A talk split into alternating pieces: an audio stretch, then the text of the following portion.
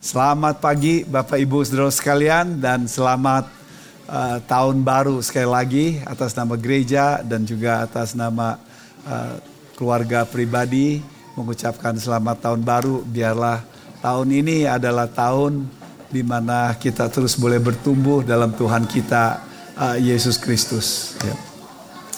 Saudara-saudara, hal yang sangat menarik adalah ketika ganti tahun yang kadang-kadang membuat kita uh, susah hati kadang-kadang semangat baru, tekad baru.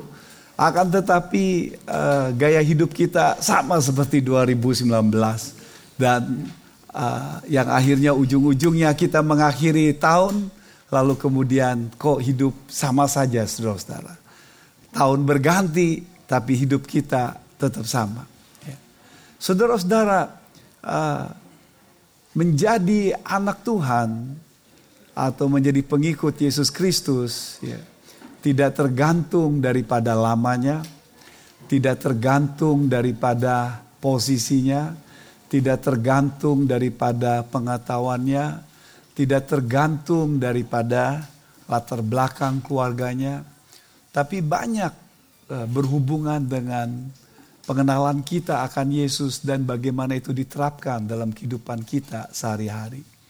Dan Tema tahun ini, khususnya awal tahun ini adalah kita pengen supaya pengenalan akan Yesus lebih bagus, tapi khususnya kita berbicara tentang bagaimana pengenalan Yesus itu membawa perubahan dalam kehidupan kita.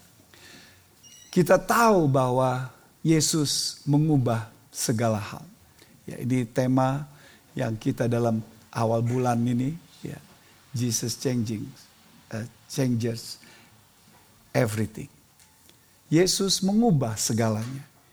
Ikut Yesus, implisit di dalamnya terjadi perubahan saudara-saudara. Yesus mengubah segalanya. Latar belakang kita, hubungan kita dengan Tuhan, identitas kita yang dulu adalah orang-orang dimusuhi Tuhan, sekarang kita jadi anak Allah Yesus mengubah segalanya. Posisi kita yang hidup dalam murka Tuhan dan masuk dalam penghukuman. Tapi sekarang jadi anak terang, jadi anak Allah. Hidup dalam uh, bersama dengan dia. Saudara-saudara, ketika berbicara tentang Yesus mengubah segalanya, dia sudah selesai. Strong ahli teologi berkata demikian. Berbicara tentang pekerjaan Kristus, kita selalu ingat dua hal. Satu, pekerjaan Kristus di kayu salib sudah selesai. Sudah selesai dalam arti kata, sudah selesai untuk kita.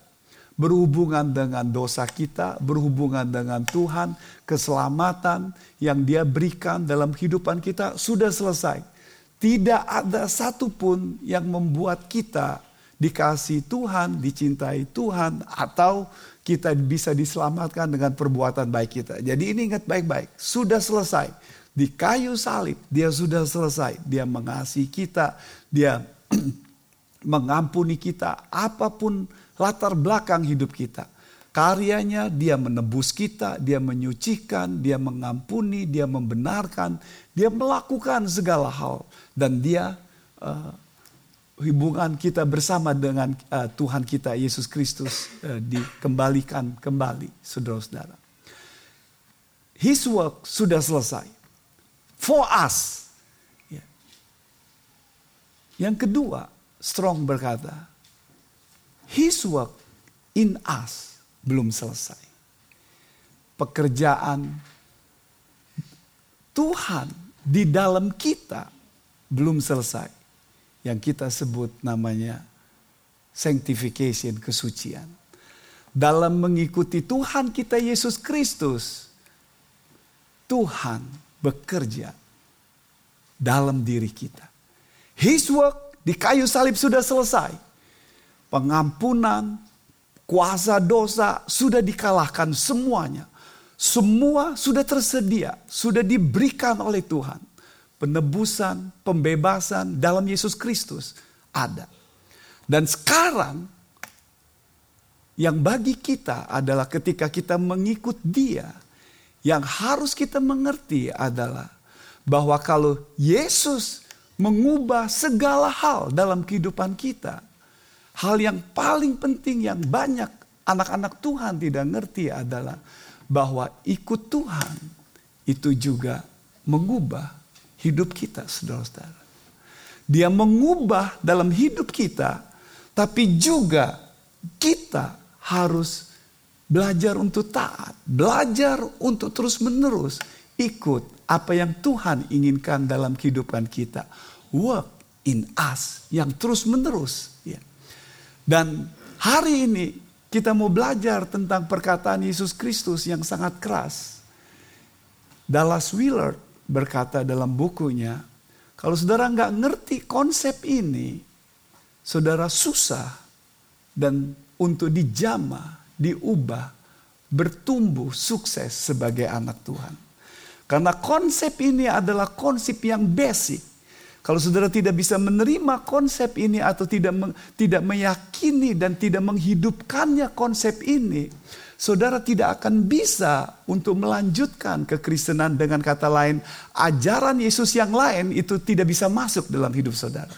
Lalu dia berkata bahwa sama seperti dia berkata bahwa ketika bahwa orang yang buta itu susah untuk nyupir mobil. Bukan berarti dia tidak boleh. Seandainya dia bisa pengen juga, tapi susah untuk berhasil, saudara-saudara. Jadi nats kita hari ini berbicara tentang seperti Dallas Willard berkata bahwa ini konsep yang sangat indah sekali, yaitu berbicara tentang Yesus mengubah segala hal, tapi juga ikut Yesus itu cost you everything. Cost diri kita, dan hari ini belajar tentang pikul salib. Carry you cross atau pakai istilah yang kita sebut namanya dead to yourself. Mati atas hidup saudara-saudara. Kita lagi berbicara tentang bukan untuk diselamatkan. Tapi berbicara tentang Yesus yang bekerja melalui hidup kita. Supaya kita terus bertumbuh makin serupa dengan dia. Coba perhatikan ayat ini saudara-saudara. Yesus berkata demikian. Matius 16 ayat 24. Lalu Yesus berkata kepada murid-muridnya, setiap orang yang mau mengikut aku, ia harus menyangkal dirinya, memikul salibnya, dan memikut aku. Karena barang siapa mau menyelamatkan nyawanya, ia akan kehilangan nyawanya. Tetapi barang siapa kehilangan nyawanya karena aku, ia akan memperolehnya. Apa gunanya seorang memperoleh seluruh dunia, tapi kehilangan nyawanya? Dan apakah yang dapat diberikannya sebagai ganti nyawanya? Sebab anak manusia akan datang dalam kemuliaan Bapaknya diikuti malaikat-malaikatnya.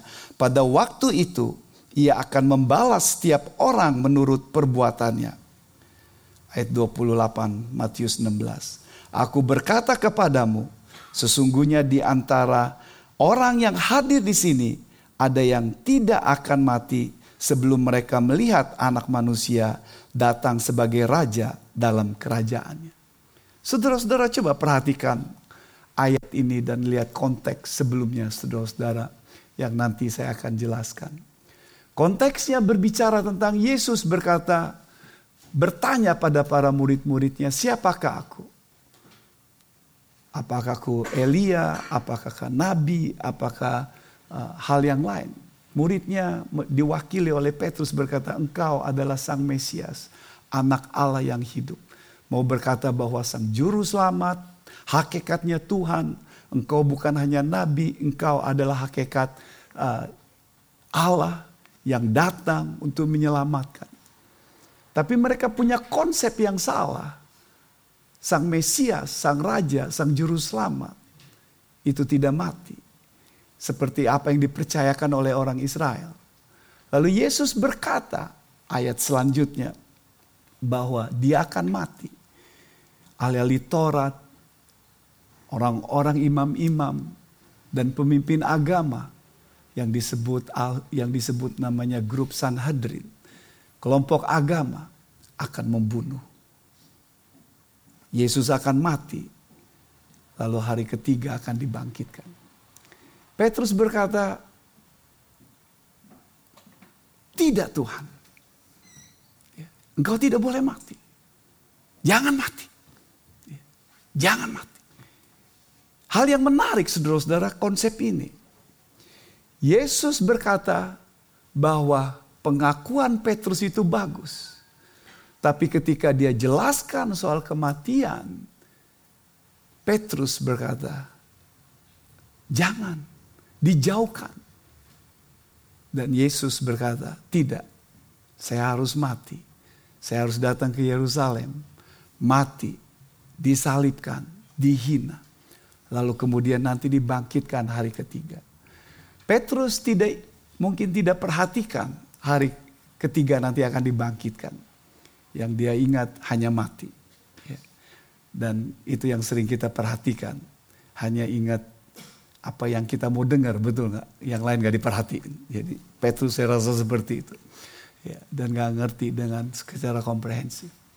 Tapi poinnya saudara-saudara dalam konteks seperti ini, Yesus berkata, Enyahlah engkau iblis. Artinya konsep yang dikatakan oleh oleh Petrus itu adalah di belakangnya konsep iblis. Bahwa Yesus tidak harus mati. Yesus berkata, engkau memikirkan apa yang dipikir, bukan bu, memikirkan apa yang dipikirkan oleh manusia, bukan apa yang dipikirkan oleh Tuhan. Allah Konsepnya simple. Juru selamat harus mati di kayu salib untuk penebusan dosa manusia. Lalu kemudian nanti dia akan bangkit. Manusia konsepnya enggak seperti itu. Manusia ingin ditinggikan, dipuji. Manusia tidak mau ambil jalan susah. Tidak mau ada pengorbanan. Ikut Tuhan tidak ada pengorbanan. Ikut Tuhan jangan ganggu rumah tangga saya.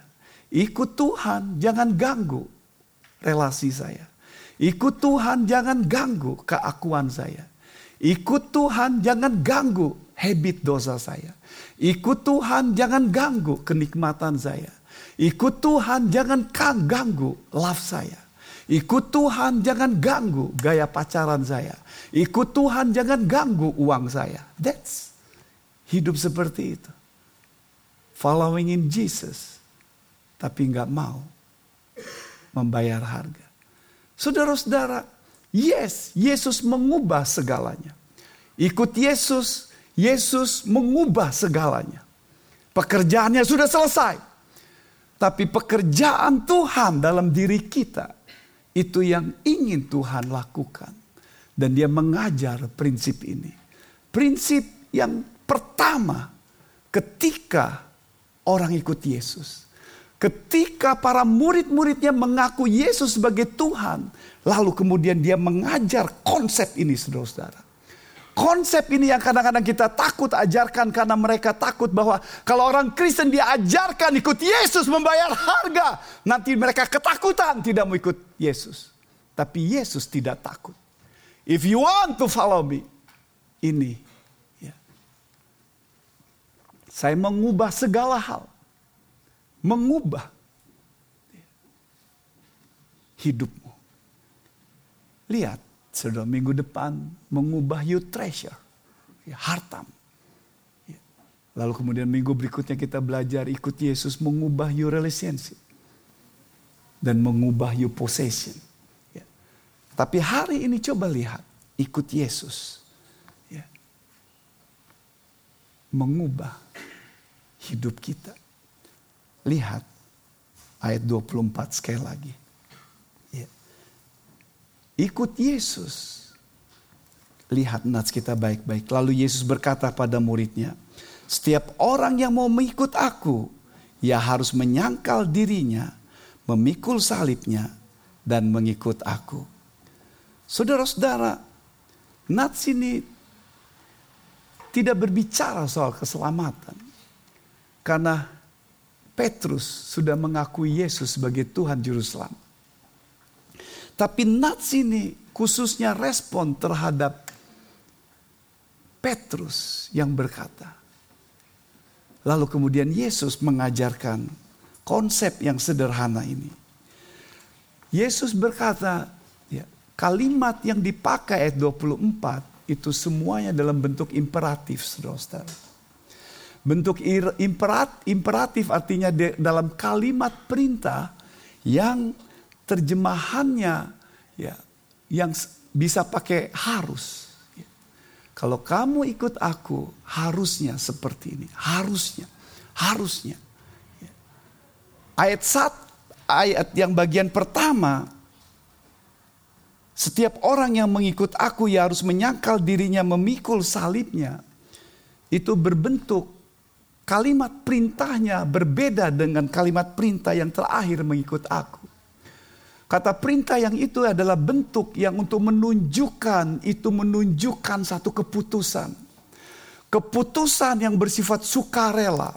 Keputusan yang tanpa paksa. Keputusan yang dilakukan dengan kesungguhan hati. Yang sungguh-sungguh dari dalam hati. Dan menyerahkan dengan joy. Dengan willingly. Dengan sungguh-sungguh. Ada force, ada tekanan di situ untuk menunjukkan this is my choice willingly. Karena God sudah bekerja saudara karena Yesus yang sudah bekerja ya. Mengikut aku bentuk imperatifnya berbeda dengan dua kalimat yang pertama. Eh, dua kata yang pertama. Mengikut aku di situ adalah dalam bentuk kata present imperatif Artinya dua hal itu adalah sebagai proses min. Lalu mengikut Yesus selamanya. Karena ini bentuk imperatif dan present. Artinya ini harus jadi gaya hidup kita. Mengikut Yesus itu jadi gaya hidup kita. Terus menerus ikut Yesus, ikut pikiran Yesus, ikut jalan Yesus, ikut apa yang Yesus lakukan, ikut hati Yesus dan ikut makin serupa seperti Yesus. Itu maksudnya saudara-saudara. Paulus menjelaskan lebih lanjut. Goal daripada ikut Yesus adalah keselamatan kita yang akhirnya hidup kita makin serupa dengan Yesus. Ikut Yesus bukan saudara sehat, bukan saudara diberkati, bukan bicara soal healthy, and bukan hanya bicara soal kekayaan. Tapi ikut Yesus berbicara, your life changing. Hidup yang diubah. Hidup yang serupa dengan Yesus Kristus. Jadi pertanyaannya tahun 2020 ini adalah, adakah hidupmu makin serupa dengan Yesus? Apakah engkau ikut Yesus? Tidak bicara masalah lama, tidak bicara soal posisi kedudukan seperti saya atau pengetahuan yang saya punyai atau lamanya atau keluarganya. Tapi pertanyaannya adakah adalah adakah hidupmu ikut Yesus? Dan ikut Yesus yang terus menerus yang makin serupa dengan Yesus. Seperti tadi saya sudah katakan, the work pekerjaannya sudah selesai semua sudah diberikan apa yang dibutuhkan bagi kita untuk penyucian hidup, untuk kesucian, untuk kemenangan itu sudah ada. Tinggal kita yang berkata, "Tuhan, saya mau ikut Yesus." Ikut Yesus. The way of following in Jesus Prinsipnya simple, sederhana Nats kita berkata. Death to yourself.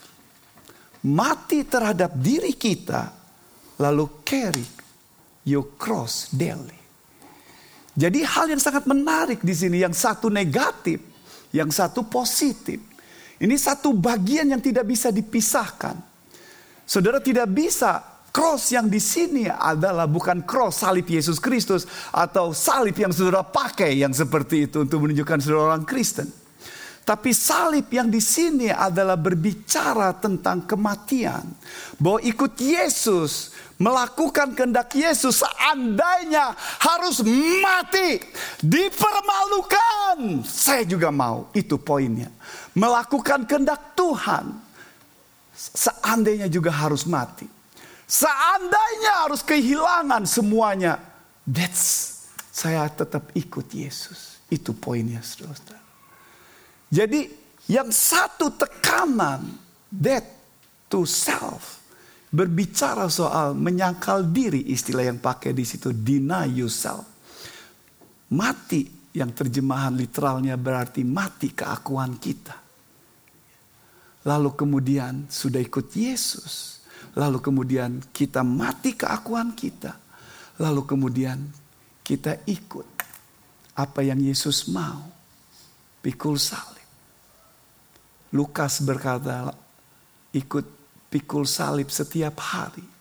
Yesus berkata dalam Lukas, pikulah salibmu setiap hari. Itu berarti ada something happen. Sesuatu yang berhubungan kehendak Tuhan yang berhubungan dengan dalam ikut Yesus ada pertentangan-pertentangan. Tapi kita memilih His will, memilih Jesus, lalu ikut dia, saudara-saudara. Ini prinsip yang simple, tapi susah dijalankan. Saya tidak berkata gampang. Saya sudah 48 tahun ikut Tuhan dan saya mengerti apa yang dikatakan oleh Yesus Kristus. Saya sudah menikah, saya sudah melayani. Ya. Konsep ini ya, simple, sederhana, dan tidak perlu hal yang susah-susah untuk mengerti. Tapi poinnya adalah seperti D.L. Moody berkata, yang membuat kita itu bothering yang membuat kita itu nggak suka terhadap firman Tuhan bukan yang susah-susah, tapi yang gampang-gampang. Yang gampang-gampang yang membuat susah karena penerapannya susah. Betul gak? Itu yang Dale Moody berkata. Tapi yang menarik saudara-saudara, Yesus juga tidak bilang berkata gampang. Tapi Yesus berkata ikutlah aku dengan kata lain. Ikut dia bahwa goalnya adalah segambar serupa dengan apa yang Yesus lakukan karena Yesus sudah melakukan lebih dahulu. Ayat sebelumnya Jesus way, die on the cross and resurrected on the third day. Ayat sebelumnya Yesus sudah berkata, sebelum aku mengajak orang-orang yang ikut aku lihat teladan, lihat my redemption, lihat pekerjaan saya, lihat apa yang saya lakukan. Dan dalam terang firman Tuhan kita sudah dapat Yesus sudah mati di kayu salib dan sudah bangkit. His work sudah selesai. Dalam hidup kita, dia sudah melakukan jalan salib. Sudah mati untuk kita. Sudah menang. Ada kemenangan dan Yesus berkata, ikut aku. Waktu Petrus dia belum melihat secara keseluruhan dan kita sudah melihat secara keseluruhan. Dan Yesus memberikan Jesus way for us. That to ourselves. Ya. Saudara-saudara. John Calvin berkata demikian. The only way to live is to to deny yourself atau die. Mengerti saudara-saudara. Ya. John Calvin sangat mengerti untuk bertumbuh bahwa ikut Tuhan. Yes, ikut Tuhan kita diubah di jama segalanya. Tapi di satu sisi ikut Tuhan itu kos kita, hidup kita, semuanya juga saudara-saudara. The only way to live is to die, to deny yourself. Ya. Artinya saudara-saudara, mati terhadap keakuan. Lalu kemudian berkata ya pada Yesus. Dalam konteks ini berbicara soal kematian. Berbicara soal suffering. Berbicara soal mati hidup kita. Itu yang dilakukan. Paulus mengajarkan konsep ini dalam Roma pasal 6. Bahwa kita harus mati terhadap dosa kita. Mati supaya Yesus dipermuliakan. Hal yang sama diajarkan Kolose pasal 3 ayat 5. Kita harus mati terhadap keakuan kita mati terhadap hawa nafsu, nafsu jahat, nafsu yang tidak bagus, keakuan, kedagingan kita. Mati dalam hal hal-hal yang berhubungan yang duniawi dalam diri kita. Berhubungan nafsu seksual, yang berhubungan dengan hawa nafsu, lalu berhubungan dengan greedy, kerakusan, di mana Yesus replace dan menjanti diri kita Lalu ayat berikutnya ayat 8 dan 9 Kolose pasal 3 berkata bahwa berhubungan dengan kata-kata kotor, berhubungan dengan suka bohong, berhubungan dengan suka gosip, suka menjatuhkan orang, suka menjelekkan orang, berbicara soal kemarahan, kebencian dan kata-kata yang tidak menjadi berkat. Jadi saudara-saudara harus mati. Jadi konsep ini sangat menarik. Dalam Matius 16, Yesus sedang berkata bahwa konsep mati keakuan kita ketika kita ada tantangan, ada masalah berhubungan dengan suffering, penderitaan. Ikut Yesus. Keluarga.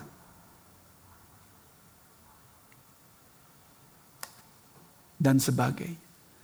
Dan kebanyakan kita ikut Yesus. Tidak diusir keluarga. Pekerjaan masih bekerja. Saudara tidak diusir karena anak ikut Yesus. Tapi pergumulan kita adalah seperti dalam Roma 6 dan Kolose 3 yang diajarkan konsep ini Yesus ingin mengajarkan juga dalam kehidupan sehari-hari supaya kita mati keakuan kita dan ya kepada Tuhan. Raffi Jakaria mengutip temannya seorang dokter yang di Pakistan yang ikut Yesus penuh suffering, penderitaan karena di negara Islam. Dokter ini mengutip demikian kalimat yang indah apa yang dikatakan oleh Yesus Kristus. In surrendering, you win. In dying, you live. Luar biasa bukan kata-katanya. Dalam kita menaklukkan diri, kita menang. Dalam kita mematikan diri, ada kehidupan, saudara-saudara. Dan itu yang terjadi. Yesus mengajar biji gandum kalau tidak mati di tanah tidak akan berbuah. Konteksnya dia berbicara tentang dirinya yang mati di kayu salib lalu kemudian ada penebusan. Dan konsep yang sama untuk kita yang Yesus ajarkan dalam nats ini. Kalau saudara tidak mati keakuan saudara, mati kepada diri saudara, dan lupa bahwa kita terus ikut Yesus, kita akan tidak akan bertumbuh. Itulah sebabnya saya katakan tadi,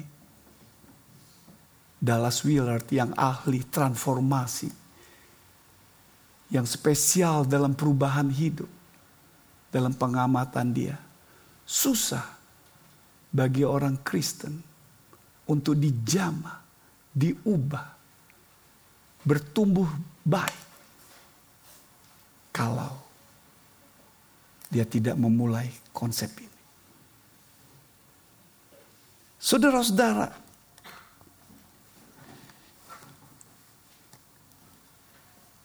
mati itu tidak gampang, saudara-saudara.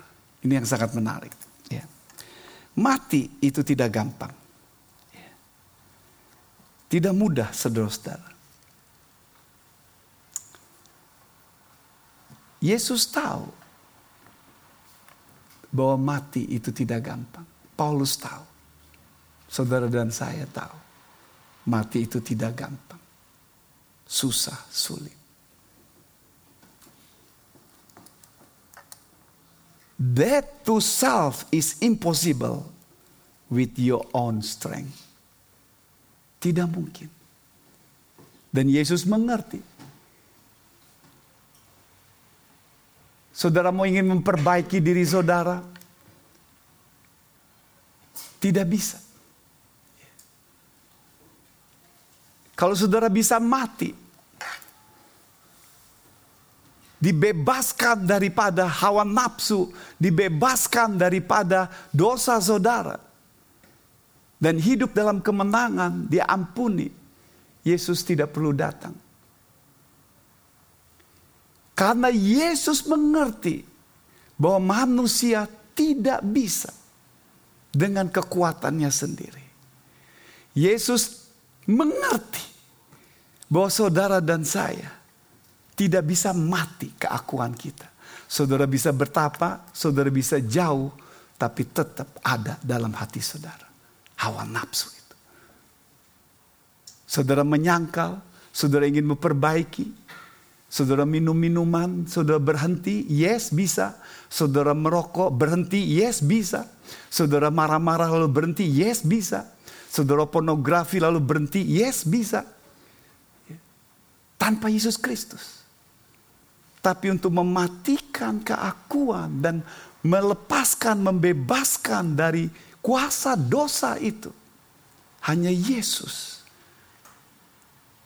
yang mati di kayu salib untuk kita. His work on the cross sudah selesai. Untuk kita saudara-saudara. Impossible. Tidak mungkin. Kita mati. Keakuan. Saudara lihat kenyataan hidup. Ya, penjara penuh dan keluar masuk orang penjara yang sama-sama itu saja. Ikut konseling dan banyak orang yang berkata, I give up. Lalu mereka berkata, saya sudah seperti ini. Nggak bisa diubah. Impossible. Dan Yesus menolong saudara dan saya untuk supaya kita bisa mati. Dengan apa saudara-saudara? Dengan he die on the cross. Dengan dia mati di kayu salib. Seperti Matius 16 dan Roma pasal 6 katakan. Dengan Yesus mati di kayu salib. Supaya kita mati bersama Yesus. Lalu bangkit kembali. Yesus mati untuk kita. Supaya kita bisa hidup saudara-saudara supaya kita bisa hidup dengan mematikan diri kita, saudara-saudara. Tanpa Yesus kita tidak bisa. Yesus mati di kayu salib untuk kita. Dia mati.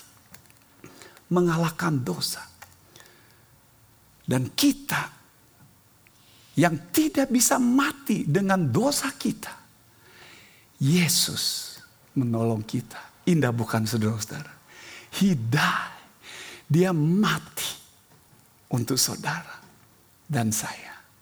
Supaya kita bisa hidup dengan kita mati keakuan kita. Itu yang Yesus ajarkan saudara-saudara. Indah bukan? Tapi ketika saya berkata demikian, yes, kematian Yesus sudah mengalahkan kematian. Sehingga kita mampu untuk bisa mati. Akan tetapi,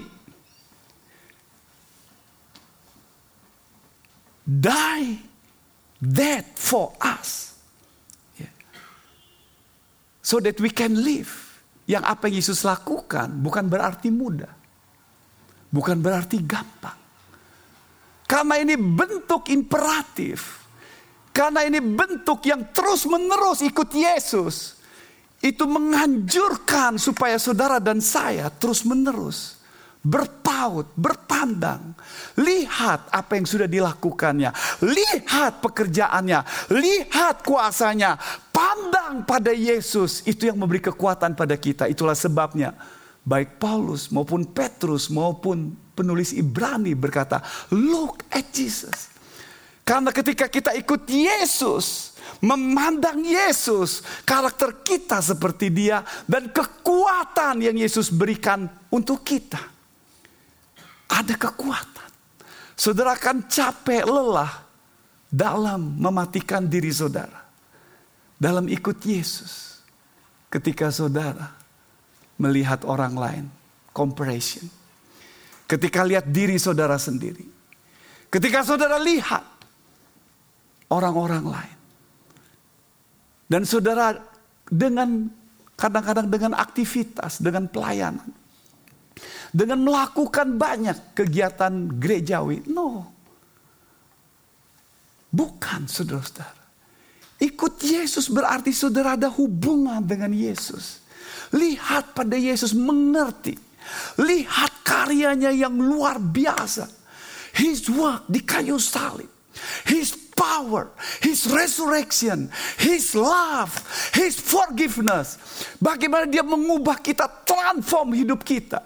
Semua diberikan dan tinggal kita yang ikut dia dan berkata, "Yes, yes, I want to follow him." Mati keakuan kita. Dan ikut salib. Pikul salib. Seandainya harus menderita. Suffering dan kita bergumul. Bukan suffering karena diludahi, dicaci maki. Karena kita harus mati keakuan kita. Dan Yesus memberi kemampuan. Ketika Yesus memberikan perintah ini. Dia bukan berarti masa bodoh. He gave you strength. Dia memberi kemampuan untuk saudara melakukan. Tidak mungkin Yesus memberikan perintah tanpa bahwa dia mengerti bahwa kita bisa melakukan. Karena dia tahu kita bisa melakukan dengan his strength. Itulah sebabnya Yesus berkata kalimat imperatif yang terakhir, ikutlah aku, ikut aku. Pandang pada dia, lihat pada dia, his strength, ikut pada dia. Dan menolong saudara dalam ikut dia. Karena ini tidak mudah, tidak gampang. Dan kiranya tahun baru ini adalah tahun yang saudara bisa berkata beda dengan tahun yang lalu. Beda dengan tahun-tahun di masa lampau. Karena punya konsep yang salah. Dan sekarang, kosmi, ikut Yesus. I want to give myself to Jesus. Joyfully, sungguh, dan terus belajar untuk taat. Yes, saudara bisa jatuh. Yes, saudara bisa gagal. Karena ini bentuk present. Yesus tahu saudara tidak akan sempurna. Karena ini itu bentuk present artinya ini harus jadi gaya hidup kita bukan sempurna. Bukan kesempurnaan. Tapi yang penting adalah jadi gaya hidup kita, habit kita. Following in Jesus. Saya mati keakuan. Lalu kemudian ikut Yesus. Dan itu seperti saya katakan tidak gampang. Karena manusia. Hakikat manusia. Dosa itu jahat. Saudara. Hati manusia itu jahat. Tidak bagus. Dan pengen lawan pengen memberontak. Paulus berkata dalam Roma 8. The flesh itu melawan, itu memberontak ketika saudara ingin taat. Saudara ingin menyenangkan Tuhan, itu memberontak. Daging. Malcolm Margaret, seorang penulis, pengarang dari Inggris yang sangat terkenal. penulis yang bertobat di pertengahan hidupnya. Dia bercerita untuk menceritakan betapa manusia itu, hati manusia itu jahat dan susah. Dan seharus mengerti. Ketika dia lagi lecture di India, dia berenang. Dalam kesendirian dia berenang lalu nggak jauh dari sana. Ya. Ini dia cerita sebelum ikut Yesus. Lalu lihat ada dari belakang perempuan cantik kelihatannya. Pakai rambut panjang. Dia tergoda hatinya. Deketin gak, deketin gak, deketin gak, deketin. Akhirnya dia bilang, deketin. Terbuai, terbawa oleh apa yang ada dalam hatinya. Dia datang. Karena di sana nggak ada siapa-siapa. Ketika dia makin dekat datang. Dia bayangkan wanita cantik. Berdua. Lalu ketika perempuan itu kaget. Ada orang yang mendatangi. Dia nutup tubuhnya. Lalu ketika menengok. Wanita itu adalah penyakit kusta yang mukanya jelek, bibirnya, hidungnya, semuanya, tangannya jelek sekali, rusak.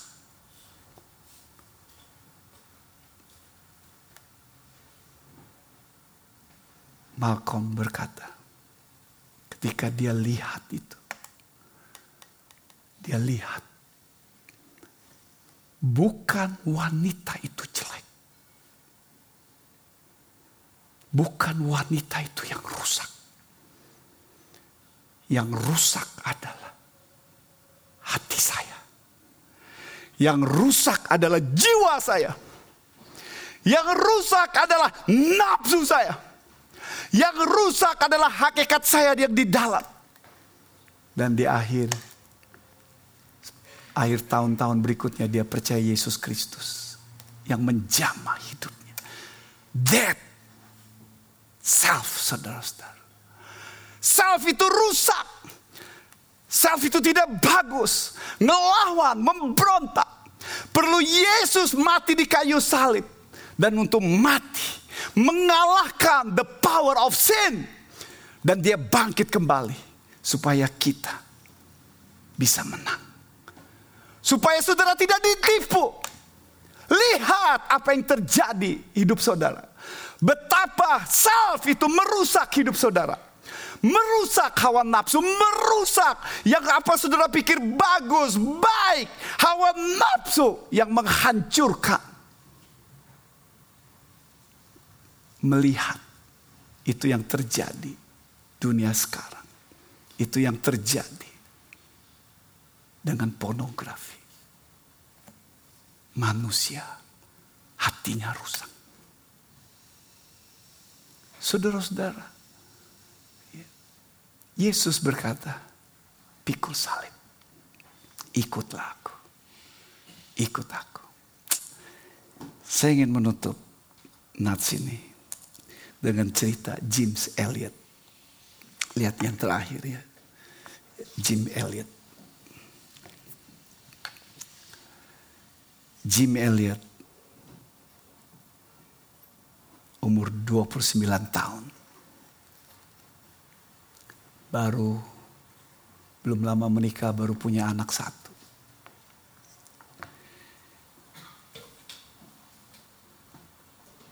Sekolah. Lalu kemudian sekolah teologi lalu kemudian punya hati pelayanan. Dia menginjil di de kota uh, di suku Kuakua, Indian, Ecuador. Jim Elliot. Hatinya, passionnya. Lalu 8 Januari 1956, umur 29. Meninggalkan istri dan anak yang masih kecil mati. Di tombak suku itu menghantam tubuhnya dan mati. Kalimat yang indah yang dia berikan, yang kutip adalah seperti ini. Mengutip apa yang dikatakan Yesus. Apa gunanya orang mempunyai seluruh dunia ini tapi tubuhnya hilang. Kalau orang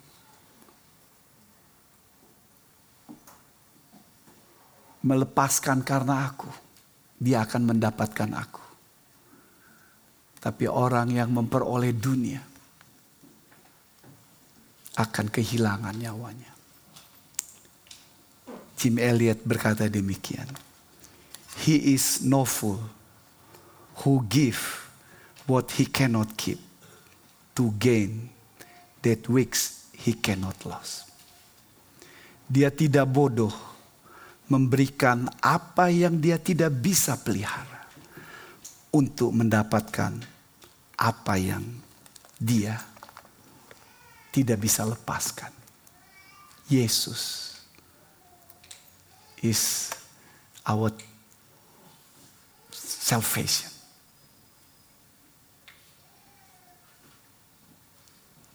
our love, our worship. Dan Yesus berkata, apa gunanya punya semua dunia, tapi jiwanya hilang. Yesus berkata, ikut aku.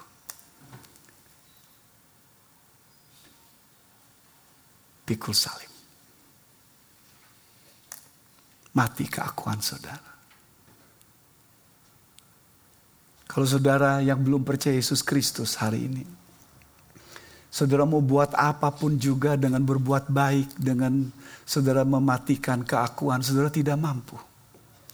Yesus mati di kayu salib supaya saudara mampu. His work on the cross selesai.